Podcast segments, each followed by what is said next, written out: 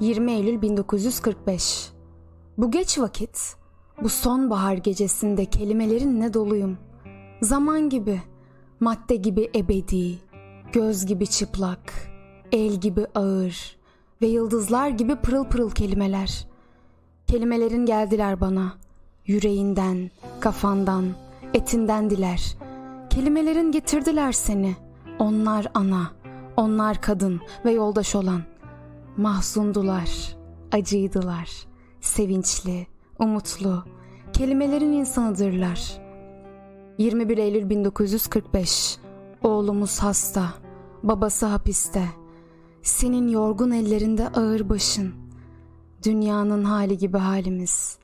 İnsanlar daha güzel günlere insanları taşır. Oğlumuz iyileşir. Babası çıkar hapisten. Güler senin altın gözlerinin içi. Dünyanın hali gibi halimiz.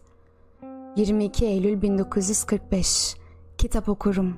İçinde sen varsın. Şarkı dinlerim. İçinde sen.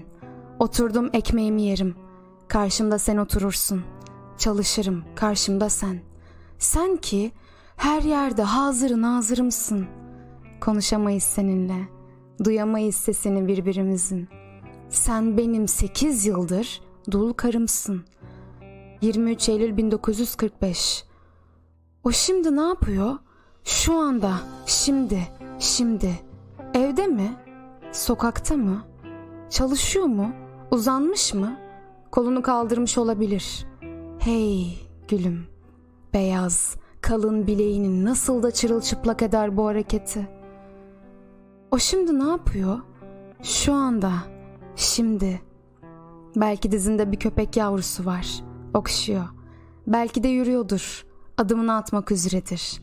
Her kara günümde onu bana tıpış tıpış getiren sevgili, canımın içi ayaklar. Ve ne düşünüyor? Beni mi?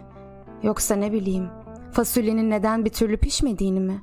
Yahut insanların neden böyle bedbaht olduğunu mu? O şimdi ne düşünüyor? Şu anda, şimdi. 24 Eylül 1945 En güzel deniz, henüz gidilmemiş olandır. En güzel çocuk, henüz büyümedi. En güzel günlerimiz, henüz yaşamadıklarımız. Ve sana söylemek istediğim en güzel söz, henüz söylememiş olduğum söz.''